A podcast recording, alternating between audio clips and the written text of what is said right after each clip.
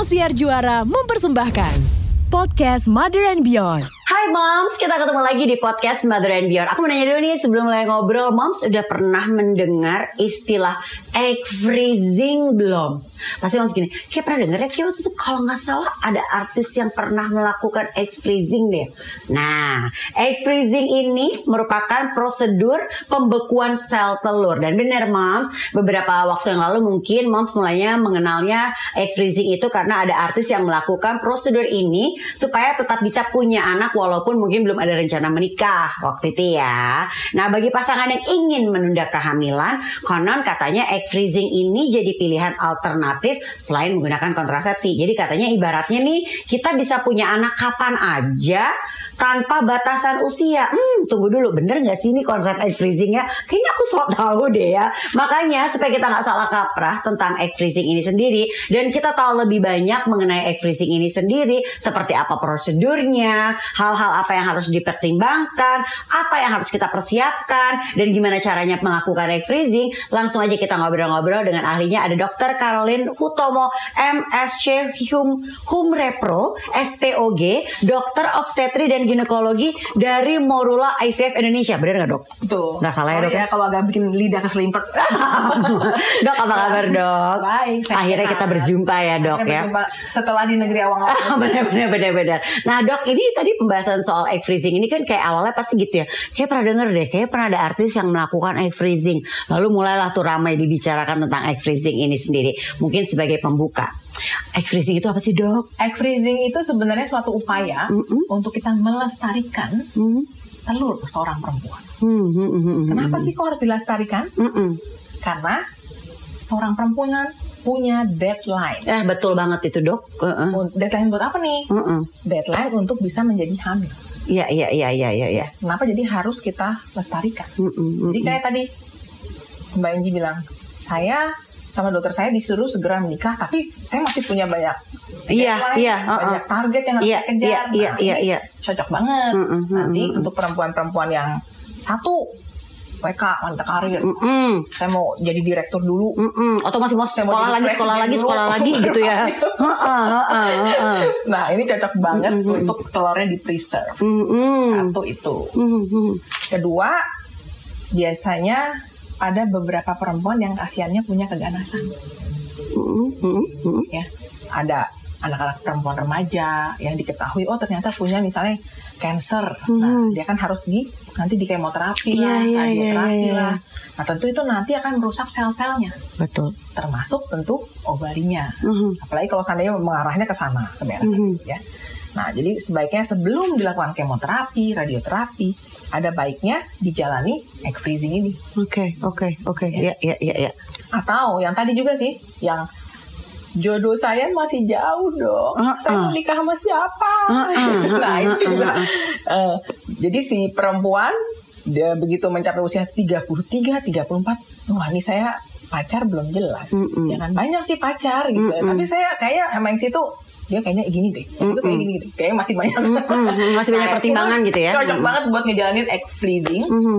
uh, di, di preserve telur-telurnya Mm-mm, ya supaya di saat ingin dipakai bisa menghasilkan Kualitas yang terbaik ya dok berarti ya. Betul. Masih stamin istilahnya ya. Betul sekali. heeh. Oke, tujuannya adalah itu ya. Tujuannya Apa itu egg freezing ya? Oke. Nah, kalau melihat tren egg freezing ini sendiri di Indonesia tuh seperti apa sih dok? Apakah memang sudah banyak yang mulai menjalani prosedurnya? Dan kalau memang iya tuh banyak dilakukan oleh mungkin yang menunda kehamilan atau bahkan yang masih lajang nih dok? untuk tren Hmm. di Indonesia sebenarnya masih persentasenya kecil Mm-mm, mm-mm. nggak terlalu tinggi kenapa karena kita biasanya Asia nggak seperti itu Hmm. jarang Ya, kecuali ya, ya, yang ya, mulai ya. berpikiran lebih apa lebih maju gitu ah nggak apa-apa deh gitu saya di freezing gitu Mhm. ya mungkin masing-masing ada pertimbangan karena backgroundnya juga ya Ya. Ya, ada juga yang begitu dibilang oh kalau seandainya egg freezing bisa aja kita misalnya oh, pemeriksaan USG-nya itu dari anus Mhm. Ya, tapi ya, ya, pada ya. pengambilannya tetap harus dari vagina. Nah itu ada beberapa perempuan yang masih mempertahankan dia punya selaput darah. Oke. Dia mundur teratur begitu mendengar itu. Oke, oke. Karena nggak mungkin kita ngambil pick up telurnya dari anus, karena bisa bolong dong khususnya. Ya, ya, ya, ya, ya. dari anusnya. Jadi akhirnya Nah, dia agak mundur teratur. Jadi Asia agak kurang. Walaupun sebenarnya ini adalah solusi yang baik sih.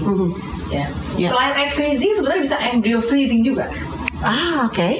Oke. Nah, embryo freezing itu yang dilakukan oleh Gracia Poli. Iya, iya, iya, iya, iya, iya. Waktu itu dia datang ke saya, saya masih harus kejar emas Olimpiade. Oh, nah, itu bikin oke. hati saya deg-degan langsung. Oke. Jangan sampai nggak bawa pulang emas saya Iya, iya, iya, iya, iya, iya, iya, iya, harus iya. pulang emas untuk Indonesia. Jadi disimpan dulu embrionya bisa. Ah, oke oke oke oke oke. Nah, kalau ngomongin soal egg freezing lagi nih ya dokter, ini kan erat kaitannya dengan kesuburan dan juga sel telur uh, perempuan ya dok ya. Sebenarnya kalau kita boleh diinformasikan juga nih biar biar banyak jadi kita jadi dapat info puncak kesuburan dan kualitas sel telur wanita itu bagusnya tuh di lagi ya puncaknya tuh di mana sih dok? Kalau bisa idealnya ya, Iya, iya. usia seorang perempuan untuk menjadi hamil tuh 25 sampai 35. Ya, setuju. Jadi- Hmm, betul dok. Di situ ya udah mau deketin deadline ya. Ada hal-hal yang belum bisa, misalnya belum merit atau masih mau ngejar karir, buruan deh egg freezing. Oke, jadi sebenarnya puncak kesuburan itu 25 sampai batasnya berapa nih dok? 25 35 itu yang Oke, ideal. oke idealnya ya. Ha, ha, ha. 25 sampai 35 nih moms ya. Nah, untuk prosedur egg freezing ini sebaiknya mulai dilakukan eh, oleh perempuan yang usianya berapa nih, Dok? Ah, ada batas usia minimalnya dan maksimalnya nggak, Dok? Enggak sih, jadi Nggak ya? tergantung kebutuhan. Ah, oke. Jadi walaupun misalnya usianya masih belasan, tapi yang tadi tuh dia ada cancer. Iya, Why iya, not? iya, gitu iya, loh. betul, betul, betul, Simpan betul. aja dulu. Iya, iya, iya, iya. iya. Karena masih kualitas terbaik soalnya belum. Iya, Kena. Itu ah, ah. lagi bagus dan banyak banget tuh. Iya, Biasanya kalau iya, usia iya. segitu telurnya eh, banyak dan harusnya bagus. Oke. Karena masih muda, usia muda ya. Oke. Nah, atau kalau harinya yang udah mepet, Iya, benar, benar, benar. udah mau mendekati 35, kayak yang tadi masih mau ngejar karir atau jodoh saya masih jauh dong, saya harus married sama siapa, saya hamil sama siapa, ntar satu kelurahan heboh lagi ya kan, saya hamil duluan ya kan, ya udah diambil aja telurnya dulu, dibekukan. Hmm. Nah kita mari kita mengedukasi juga nih para moms ya sebenarnya apa sih keuntungan dan manfaat untuk eh, di saat kita melakukan prosedur egg freezing ini karena mungkin ada yang buat apa? Gitu kan ya karena belum tahu. Tak kenal maka tak sayang kan dok ya. Makanya kita harus tahu dulu nih sebenarnya manfaat dan keuntungan dari moms melakukan egg freezing eh, di usia mungkin yang tadi dokter bilang lagi puncak-puncak kesuburan. Ada juga kan yang misalnya setelah anak pertama melakukan egg freezing kan untuk nanti anak kedua ditunggu nanti. Boleh nggak tuh dok? Boleh. Tapi kalau pada perempuan yang sudah menikah, kita bukan egg freezing. Oh, yang tadi embryo Yang tadi freezing. embryo Ya. freezing karena Oke, udah ada suaminya. Iya iya iya. Oke. gitu. Jadi oke. kalau untuk yang sudah menikah, kita embryo freezing. Hmm. Ah, saya maunya, eh, aduh ribet nih anak satu nangis nangis nangis. Saya pengen punya me time dulu, saya pengen istirahat Hmm, dulu. hmm, hmm. That's fine. Kita ambil telurnya, kawinkan sama sperma suami, mau ditransfer 10 tahun lagi waktu ibunya usia 40 tahun. Nggak no apa-apa. problem. Iya iya iya. Tapi kalau manfaat dari egg freezing ini sendiri apa nih dok? Buat biar moms juga paham nih gitu ya. Atau calon moms atau yang akan menikah atau buat perempuan-perempuan Indonesia juga tahu. Ya, jadi kembali yang tadi, ex preservation, melestarikan. Ya. Ya, jadi jangan sampai yang tadi saya bilang, kenapa harus di preserve? Usia ideal untuk menjadi hamil 25 sampai 35 tahun. Kalau 25 sampai 35 tahun, ya banyak macam lah tadi. Belum merit, jodoh belum ketemu, mau ngejar karir atau ya di bawah itu tapi ada keganasan atau mengarah ke arah cancer, ya kita bisa segera simpan untuk kita lestarikan supaya ya tentu telur itu buat apa fungsinya? Buat bisa jadi anak. Tujuannya itu. Supaya nanti walaupun kita menikahnya telat kita mengejar karir dulu kita sudah punya simpanan. Untuk suatu hari dikawinkan dengan suaminya. Syarat untuk bisa egg freezing di Indonesia sendiri apa nih dok? Hmm, saya rasa nggak ada syarat yang terlalu memberatkan sih. Oke oke. Ya, kalau untuk embryo freezing mungkin kita butuh eh, surat nikah sipil Ah oke untuk yang embryo freezing ya. Ah, tapi kalau untuk yang egg freezing single, it's not a problem. Hmm. Jadi walaupun belum menikah, it's fine. Boleh Nggak ya. Oke, oke. Nah, jadi pengen tahu nih pasti ya moms ya proses dari egg freezing ini tuh seperti apa sih? Apakah benar katanya pernah dengar uh, ini sama seperti proses IVF atau bayi tabung dok? Itu Ah, oke oke oke oke. betul sekali. Jadi egg freezing itu kurang lebih bisa dibilang eh, dua per tiga deh, se- setengah dari langkah bayi tabung. Hmm, hmm. Ya jadi eh, si sang perempuan ini akan kita rangsang. Mhm. Telur-telur yang buat apa dirangsang? Karena kalau pada normalnya Mhm. seorang perempuan tuh hanya akan menghasilkan satu telur yang matang Mm-mm. setiap siklusnya. Mhm. Nah, tentu waktu kita mau pick up, waktu kita mau petik, rugi dong kalau cuma punya satu. Iya. Sayang dong, ya kan? Ya kita matangkan dulu. Hmm. Kita stimulasi dulu supaya si perempuan ini menghasilkan banyak telur yang besar dan matang. Hmm. Jadi nanti kita bisa petik banyak. Hmm, jadi gak cuma satu ya dok ya? Kalau petik satu kan lumayan harganya Iya, mahal. betul, betul, betul, Nah, betul. jadi kita stimulasi dulu ya dirangsang di dari awal haid. Aha. Jadi si perempuan itu kita minta datang di awal haid, distimulasi, distimulasinya itu eh, 8 sampai 10 hari. Ya variatif lah setiap orang kan badannya beda. Ya, 8 sampai 10 hari dirangsang dengan apa? Obat suntik. Hmm. Jadi si perempuan ini akan disuntik obat setiap hari. Eh, ya jarumnya kecil kok ya takut ya hmm, 8 sampai 10 hari. Misalnya 4 hari 4 kali suntik, kontrol, 4 kali suntik, kontrol, dilihat, eh udah gede loh, gitu. Hmm. Nah, kita masuk ke tahap kedua. Jadi tahap pertama stimulasi telur, Mhm. tahap kedua kita petik telur. Mhm. Mhm. Ya, jadi, nah setelah dipetik eh, telurnya, ya proses petik telur kali ya. Proses petik telur itu eh, sama seperti kita melakukan USG transvaginal. Hmm, Oke, oke. Ya, sama persis, tapi di situ nanti kita akan memasukkan eh, jarum kecil, Iya. ya, eh, untuk menyedot cairan telur yang sudah matang itu. Oke. Nah, di dalam cairan telur itu diharapkan ada intinya. Ah, ya, ya, intinya ya. itulah nanti akan kita sedot nanti sama petugas laboratory dicuci dibersihkan kemudian disimpan Oke, biasanya s- yang terjadi sekarang ini dok yang berapa kali udah tentunya banyak dilakukan oleh dokter juga berapa sih dok sekali ambil tuh berapa telur biasanya dok? nah sekali ambil berapa telur itu amat sangat tergantung dari si individunya Ah, oke oke oke oke. karena setiap orang juga punya cadangan telur yang berbeda-beda Hmm. tentu semakin muda usia Nah, ya itu gimana tuh dok? Berarti kan semakin banyak telur yang kita Nah. bisa dapatkan Oke. mungkin 10, oke. 20 Oh oke. Dengan catatan tadi usianya masih muda ya dok. Oke ya benar-benar. Nah, tapi kalau seandainya datangnya di usia misalnya oh udah 33 dengan ya 33 pun sebenarnya not too bad asalkan eh, telurnya ada yang walaupun 33 tapi telurnya udah dikit. Iya iya iya. Nah, kalau kayak begitu kondisinya gimana, Dok? Bisa dilakukan beberapa kali.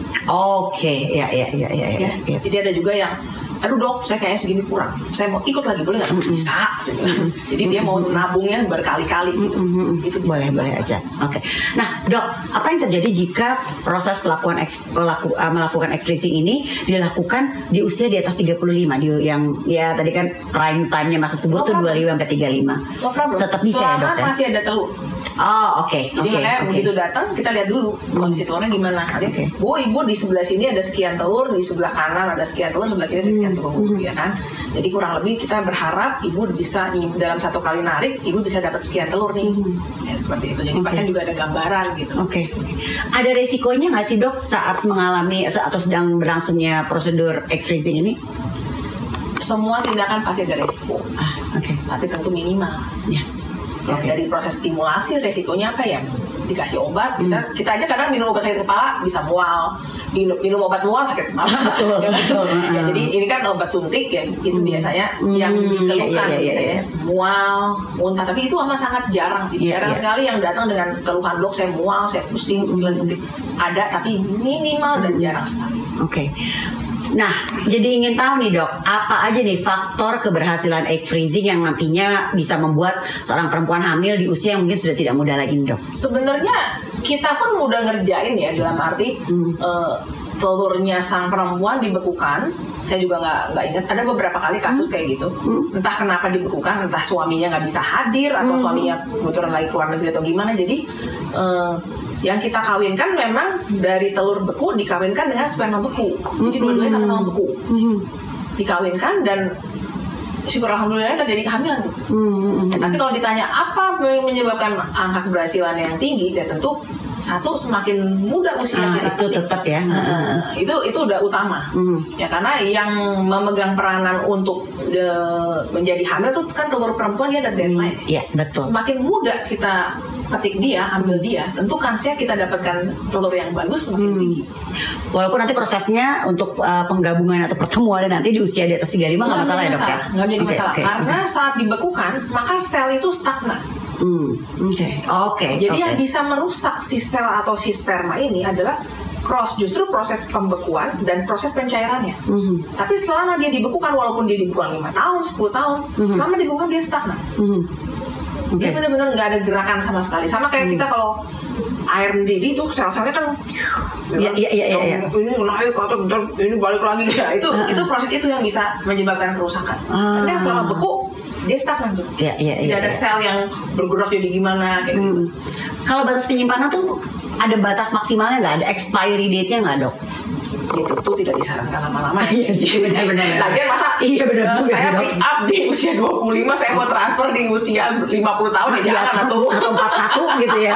ya itu juga kan lagi ada Iya, iya, biayanya. iya. Iya, ah, jadi oke, oke, eh, ibarat kata kayak minjem kulkas. Mm, nah, jadi telurnya itu setelah dicuci dibekukan kan kita simpan di kulkas ya bukan kulkas tanda petik ya Iya iya iya iya. Bukan kulkas sembarang seperti yang di rumah kita ya Moms ya. Beda beda kulkas ya. Betul, kan disimpan di kulkas. Nah itu kan iya, iya. lumayan ada biayanya. Jadi kalau seandainya Ah. udah nemu jodoh, mau ngapain kita nunggu lama-lama lagi? Iya iya iya iya iya. Seperti Iya iya, tapi memang sebaiknya tidak kelamaan juga gitu kan ya. Dok mungkin bisa dikasih info nih buat para moms nih kisaran harga dari egg freezing ini sendiri biar moms juga oh segini gitu biar mungkin kalau yang uh, ingin mempersiapkan juga bisa nih. mungkin sekitar seratusan ya. Oh, oke, oke. freezing. Oke oke, mungkin buat infonya bisa langsung cek ke Morula IVF Tuh, juga bisa ya. Langsung cek di kasir ya. Betul. Jadi paham ya mom tentang egg freezing ini seperti apa? Apa itu egg freezing? Gimana cara melakukannya? Apa yang harus dipersiapkan kalau kita ingin melakukan egg freezing? Yang pastinya saya ingin mengucapkan terima kasih buat Dokter Caroline Hutomo MSC, Hum Repro SPOG, Dokter Obstetri dan Ginekologi dari Morula IVF Indonesia. Terima kasih ya dok, udah kasih kita info mengenai egg freezing jadi kita lebih paham. Dan juga tentunya terima kasih buat moms yang sudah mendengarkan dan juga menyaksikan podcast Mother and Dear. Sampai jumpa. Thank you for listening to podcast Mother and Beyond. Untuk info menarik lainnya, klik motherandbeyond.id serta follow Instagram, Twitter, dan TikTok at motherandbeyond.id, Facebook, dan subscribe YouTube channel Mother and Beyond. Mother and Beyond, your guide to motherhood and beyond.